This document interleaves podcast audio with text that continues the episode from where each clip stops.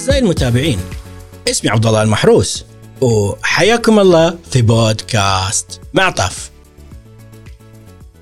من الأفكار والتصورات المنتشرة بين أغلب الناس وما بين حتى زملائنا في القطاع الصحي هي فكرة إن المعالج الطبيعي عبارة عن مدرب شخصي أو مخصص حق إصابات في الملاعب.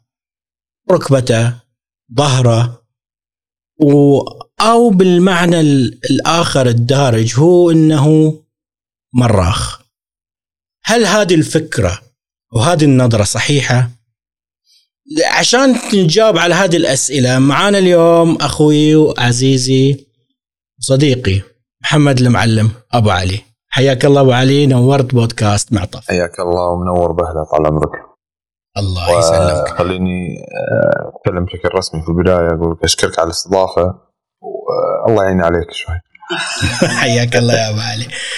طبعا أبو علي قبل ما تجاوب على سؤال المتابعين اللي هل أنت مرخ ولا لا خلينا نعرف من هو محمد المعلم؟ أه محمد المعلم اخصائي علاج طبيعي أه خريج من جامعة مصر للعلوم والتكنولوجيا في جمهورية مصر العربية في 2009 لا زين أه واختصاصي الدقيق في تأهيل القلب الرئوي. أه خريج ماجستير من جامعة الإمام عبد الرحمن بن فيصل دمام. هذا باختصار يعني. ما شاء الله أبو علي. زين الحين نرجع للسؤال أبو علي. هل أنت مراخ؟ ما أعرف أمرخ. آه يعني أنا خسرت الحين. ما عندي جلسة مساج بعد الحلقة. أه شوف إذا كان في تصنيف مهني للمهنة دقيق يقول لك مراخ فهو لكن خلينا نتكلم بشكل أوضح. حتى المراخ إذا أنت خسرت المراخ فانت أعطيت قيمة إلى الخدمة اللي بيوفرها لك صح؟ مراخ صحيح. آه هو يمكن المعنى الدارج اللي تعود عليه بشكل عام الناس انه أو من خلال ممارسة بعض التقنيات أو خلينا نقول التكنيكات اليدوية من أخصائي علاج طبيعي. ويمكن انطباع قديم عن العلاج. الطبيعي إنه هو يستخدم المساج في العلاج وهو طبعا مو شيء خطأ لأن فيه جزء من تكنيكات اللي ممكن يستخدمها العلاج الطبيعي هو المساج. بس في نطاق ضيق جدا.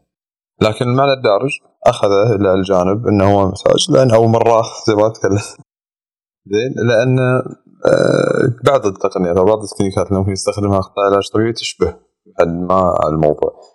اخذ انطباع أكثر من كذا يعني أو خلينا نقول مفاهيم مغلوطة أكثر من كذا. العلاج الطبيعي ممكن يستخدمه أعشاب مثلا أو هو محدود في عمل مع الأعشاب أو الأشياء الطبيعية. نأخذ عن انطباع إنه هو فقط لإصابات الام المفاصل عضلات الام الظهر أو استخدام مثلا الكهرباء وغيره الكمالات. لكن المعنى الأشمل كبير جدا. والعلاج الطبيعي في الوقت الحالي في بتفرعاته باقسامه قاعد قاعد يتوسع أكثر وأكثر كل يوم. في له أبحاث في له منصات. يعني الموضوع تعدى موضوع المساج والإصابات الرياضية وصار له فروع.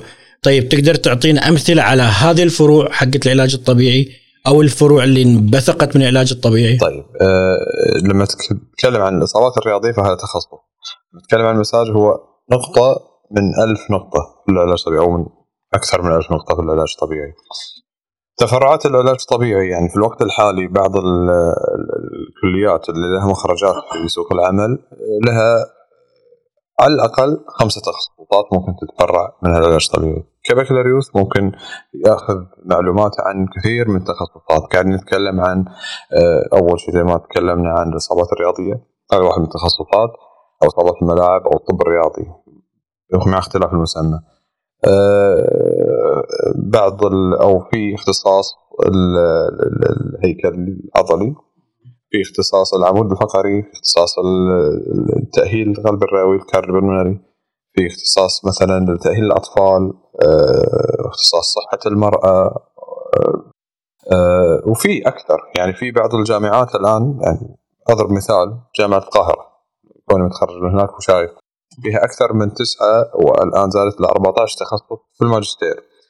من المتوقع أيضا أن مع المست... في المستقبل يكون للعلاج الطبيعي تفرعات أكثر دقة. مثل مثلا لما نتكلم عن الطب العام نتكلم عن باطنية فيحتاج الطبيب إنه يتخصص أكثر مثلا في القلب يعني يتجه إلى أكثر تخصص مثلا وهكذا. sub-specialty يعني. فالعلاج الطبيعي أيضا نظره للمستقبلية إنه ممكن يصير في تفرعات أكثر. خذ على سبيل المثال مثلا تأهيل القلب الرئوي اللي أنا فيه الحين. في من يعمل مثلا في تأهيل القلب في من يعمل في تأهيل الجهاز التنفسي يعني cardio أو pulmonary إذا بغيت شيء يكون أكثر دقه ممكن يصير في تأهيل الاوعيه الدمويه vascular ممتاز. إحنا راح نجي الآن بعد شوي لتخصصك بشكل أكبر. ولكن طبعا بما أن أنت الحين قلت عدة تفرعات عدة أمور هذا يجيب لنا سؤال. طيب وش القدرات الحقيقية حق المعالج الطبيعي؟ نعم. آه، طبعا القدرات تختلف. خلينا نتكلم في البداية بشكل صريح هو موجه للزملاء يعني. آه، تختلف من أخصائي لاخر وفقا لقابليته في تطوير نفسه. وهذا شيء طبيعي يعني في كل مهنة في من يطور نفسه إلى مستوى عالي وفي من يبقى على standard خلينا نقول آه، مسيرة حياته. قدرات العلاج الطبيعي نعم أخصائي العلاج الطبيعي قادر على اتخاذ القرار، قادر على تقييم المريض قادر على وضع الخطة العلاجية وضع الأهداف العلاجية وأيضا ال discharge وقت ال discharge. قادر على أنه يتناقش مع التخصصات الأخرى ويطلع بنتيجة اكتشاف الأخطاء اللي ممكن تحصل في حال توفير أو تحويل المريض. آه الآن أصبح العلاج الطبيعي يعطي آه يعني هو يعني الرائد في آه، استخدام بعض الأجهزة التقييمية آه، الأخصائي الطبيعي الآن آه، يقرأ بعض الاختبارات اللي ممكن يعني تتسوى للمريض مثل نتكلم عن ال ECG مثلا ممكن يقرأها العلاج الطبيعي في تاهيل القلب الرئوي. نتكلم مع مثلا ال ultrasound ال diagnostic sound ممكن يقرأها من يتخصص في ال musculoskeletal وغيره وغيره. يعني في إمكانيات أكبر من كونه محدودة في أخصائي العلاج الطبيعي والشكل الروتين اللي تتكلم عنه المراخ المساج. المساج أو المراخ طيب أبو علي. نجي هذا طبعا السؤال في طبعا مجهز لك مجموعة أسئلة. يمكن يمكن توديك في داهية بس أنا مالي شغل. طيب. زين أبو علي. خلينا طيب ناخذ التخصص اللي أنت فيه اللي هو تاهيل القلب والرئتين. وش هذا التخصص بالضبط؟ وش يعني؟ وش تسوي؟ خلينا نعرف. أنا معك في المستشفى بس أنا ما أدري وش أسوي هو العلاج طبيعي بحد ذاته من أول ما تخصصت كثير من الأسئلة تجي أنت وش تسوي؟ زي ما قلت أنت الحين المفهوم عندك كم صار العلاج الطبيعي موجود تقول لي مراخ فالومك ترى لكن آه، ما بالك بعد بتخصص أكثر دقة. آه، تأهيل القلب الرئوي بعض الأحيان ممكن يكون ضبابي. وخاصة في آه، كونه خلينا نتكلم بصراحة هو ناشئ الآن في المملكة. وندرس الأخصائيين المتخصصين في هذا التخصص. وحتى قلة في المنشآت اللي فيها التخصص تأهيل القلب الرئوي يعني بمرضى آه، اللي يعانون من أمراض القلب وجراحاته وأمراض الجهاز التنفسي وجراحاته أيضا. هذا باختصار. آه، اللي يصير إن المريض ينحط تحت جهد معين الفكرة منه والهدف منه رفع كفاءة الجهاز القلبي الرئوي وبشكل تدريجي نرفع الجهد لحد ما يوصل إلى كفاءة وظيفية. من شأنها أن تحسن الحياة quality of life نتكلم وترجع إلى الحياة الوظيفية. وأيضا تمنع من المضاعفات اللي ممكن تحصل من آه، المرض اللي ابتدأ فيه. وتحسن آه، من تمكن عوامل الخطورة. يعني راح نرفع إليه tolerance بالنسبة إلى ال cardiovascular system علشان يقدر يعيش حياة يعني وصلت الدراسات إنه في هي القلب الرئوي قاعد تقلل بشكل كبير من ال mortality وال mortality rate طيب يعني أنت الحين كذا جاوبتنا على الفئات اللي أنت قاعد تستهدفها كمؤهل أو كأخصائي cardiovascular حقت ال rehab. كارديو كارديو فأنت قلت لنا الحين المرضى اللي post surgery آه.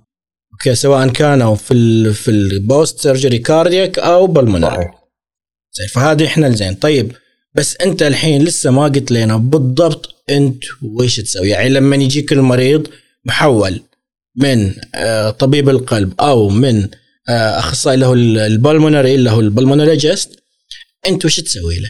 وش خطوات العمل ماله؟ آه، يعتمد التخصص خاصة هذا يعتمد على كمية ال knowledge اللي ياخذها الاخصائي أو يفهم فيها الحالة بالضبط.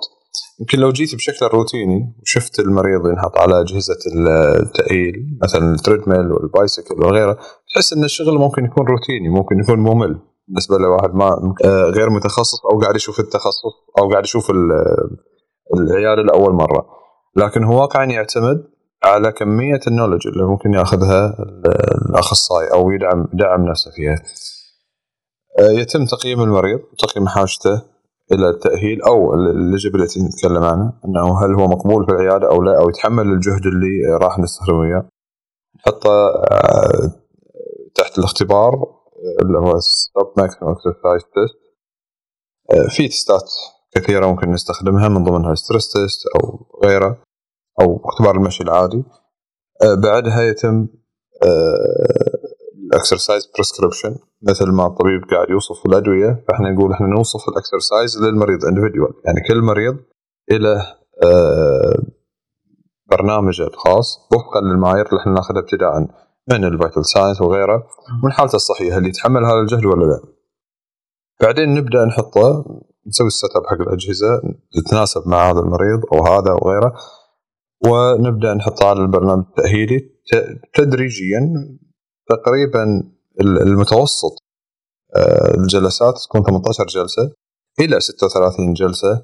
هذه في المرحلة ما شاء الله عدد كبير من المرحلة الثانية phase 2 phase 1 كانت في المستشفى phase 2 تكون عندنا في العيادة. phase آه، 3 بعد ال 36 جلسة يطلع من يخلص معنا البرنامج. ونبدأ إحنا نتابعه عن بعد أو إنه ممكن يزورنا مرة في الشهر.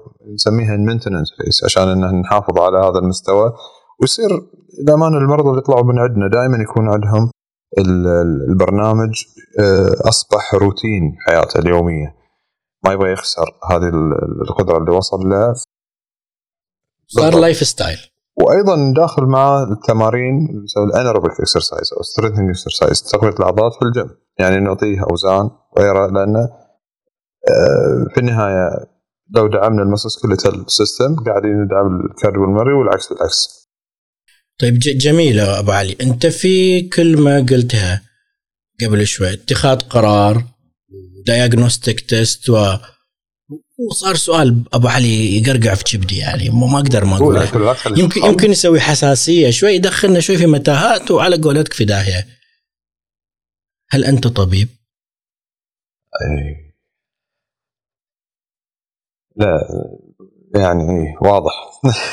آه لأن أنا أعرف أنت الحين أنت قلت بتشخص وبتسوي diagnostics test وبتعطي plan آه كأنك تكلمت بمعزل عن باقي الفريق الطبي. طيب هل أنت طبيب هذا الشق الأول الشق الثاني؟ طيب وشو علاقتك مع ال team الباقي؟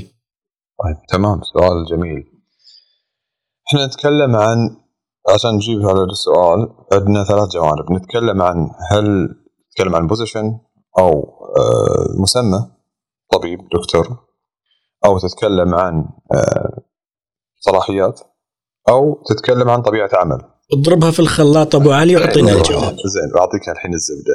إذا نتكلم عن المسمى عالميا الآن في آه، والآن حتى في جامعات سعودية يعني فيها آه، العلاج الطبيعي يدرس بالشكل هذا إنه يتخرج العلاج الطبيعي وهو DPT Doctor of Physiotherapy عالميا مثل خلينا نقول مثلا نضرب مثال بأمريكا. آه، لا يسمح الآن بممارسه العلاج الطبيعي أو يأخذ ال license عشان يمارس العلاج الطبيعي لازم يكون عنده ال DPT Doctor of Physiotherapy وهو عالميا لما يطلع أي مكان فهو دكتور. لما تخرجت من جامعة جامعة مصر للتكنولوجيا آه، مسمى في النقابه المصريه أنت طبيب علاج طبيعي. وكنت أخذ راتب امتياز راتب طبيب مثلا. زين؟ آه هذا بالنسبة للمسمى. بس هل راح يأثر على طبيعة العمل؟ واقعا الآن من خلال تتبعي خلال السنين هذه وإحنا نشتغل في العيادات الحكومية ما قاعد يأثر على طبيعة عمل العلاج الطبيعي اخصائي العلاج الطبيعي. لما نتكلم عن صلاحيات مثلا فمو من صلاحيات آه، أخصائي العلاج الطبيعي إنه يطلب بعض الاشعه أو تحاليل أو غيره. ومو الهدف منها إعاقة فقط العلاج الطبيعي يعني إحنا كنا نتكلم في الجامعة لما كنت في البكالوريوس مو الهدف منها إعاقة العلاج الطبيعي إنما هو تنظيمي.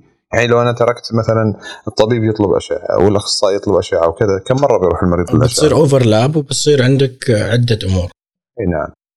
فإحنا لا. أه ما راح نعطيه الصلاحية هذه بس خلينا نجي من واقع عمل. لما أنا أسألك أقول لك إن أخصائي العلاج الطبيعي قادر على انه هو يتأكد من تشخيص المريض. وأنا أتذكر واحد من استشاريين العظام كان يقول للريزيدنت لما كان عنده في البرنامج قال لا تستغرب لما العلاج طبيعي ولا تستنكر لما العلاج طبيعي يكلمك يقول لك ترى تشخيصك غلط. أعطيه الفرصة إنه يصحح لك لأن العلاج الطبيعي عنده قدرة إنه هو بعض الأحيان يكتشف الاغلاط اللي إحنا نسويها. هذا استشاري عظام يقول الكلام هذا قال لهم لو أنت تبغى تنجح مستقبلا لما تصير استشاري عظام خلي معاك في التيم يكون معاك أو خلي علاقتك قوية بأخصائي علاج طبيعي متمكن وشاطر عشان تكتمل شغلك. في تأهيل بس. صحيح صحيح. طيب هذه واحدة. فإذا نتكلم أول شيء إنه قادر على تصحيح التشخيص في بعض الأحيان. آه، قادر على اكتشاف المشاكل اللي تجي للمريض ابتداء آه، تقييم المريض ووضع خطة العلاج و discharge المريض ويكتب له reports في آه، في النهاية. أنا أسألك الحين. دقيقة قبل حاجة اطباء العظام. ترى هو اللي قال. أنا ما قلتها هو اللي قال. ها وش سؤالك علي؟ لا هم تعرفوا طبعا إحنا نسمي أطباء العظام أولاد عمنا. شغلنا ما ينفصل عن اي ما علي بس أنت قلت. أنا ما قلتها احفظ اللي قال أبو علي ها؟ أوكي. كمل. ها وش سؤالك؟ الحين قلت لك على الجوانب هذه. كلها هل هو الآن أنت؟ شوف. طبيب أو لا؟ مو طبيب. لا تجاوب. بعد الحلقة جاوب. بس خليني أشوفه مرخ خلينا الحين أقول لك وين المشكلة. أنا أشوف المشكلة الآن طبعا لما أتكلم عن الواقع العام في السعودية إحنا عندنا آه، هيئة التخصصات الطبية هي اللي تدير التصنيف. آه، كونك تصنف العلاج الطبيعي بتصنيف الموجود أنا أشوف إنه بيصير فيه مراجعة أكيد. يعني قاعد أتنبأ بهذا الموضوع. بيصير فيه مراجعة. إن شاء الله. العلاج الطبيعي مهنة قائمة بذاتها. هذا الجواب باختصار أه مثل ما في صيدلي مثل ما في مهندس مثل ما في طبيب أسنان في أخصائي علاج طبيعي فأنا مو محتاج أعطيه المسمى سواء أعطيته إنه هو طبيب أو مو طبيب دكتور أو مو دكتور فهو قادر على اتخاذ القرار ووضع خطة العلاج والديسشارج عليه. بما يتناسب مع طبيعة عمله. اذا العلاقة ما بينك وما بين فريق العلاج هي تطلع لنا علاقة تكاملية ترابطيه كل يكمل الثاني. يعني إحنا دائما نشوف إن المريض يتحول من أي عيادة من العيادات التخصصيه إلى العلاج الطبيعي لاخذ البرنامج البرنامج العلاجي ومن ثم يرجع إلى طبيب المعالج، طبيب المعالج يشوف هل في هل هو استفاد من العلاج الطبيعي أو ممكن ينقل إلى مرحلة ثانية مثلا الجراحة أو غيرها يعني. بس القرار القرار النهائي راح يكون بيد الطبيب المعالج الاساسي سواء كان في مجال ال cardiologist اخصائي استشاري قلب أو آه، في ايد ال orthopedic ك اللي هو كتبع العظام هو في النهايه القرار النهائي راح يكون بيد ال treating physician ما بنتشابك ما بتهاوش على الموضوع يعني هو هو طبيعي الله يبعد شباك. بس أنا هذه زي ما قلت لك هذه الفكرة إن أنا أشوفكم بس يعني أفكر إن أنتم بس, بس مساج. فجبناك علشان تصلح لنا الفكرة يعني هذه. الشيء اللي أنا أعتبره إنه هو ما هو ما بقول مو صحيح. بقول انه عندي عليه آه، اشكاليه في الموضوع ده إنه هو يصنف إنه هو باراميديك. المفروض إن العلاج الطبيعي المفترض يطلع من تصنيف الباراميديك. ليش؟ تقول لي وش وجهة نظرك؟ مو بس العلاج الطبيعي. مو بس العلاج الطبيعي أنا أتكلم عن تخصصات التأهيل كلها. أتكلم عن التخاطب والعلاج الوظيفي والعلاج الطبيعي وغيره. كل تخصصات التأهيل المفروض تطلع من ال paramedic ويصير لها تصنيف لوحدها.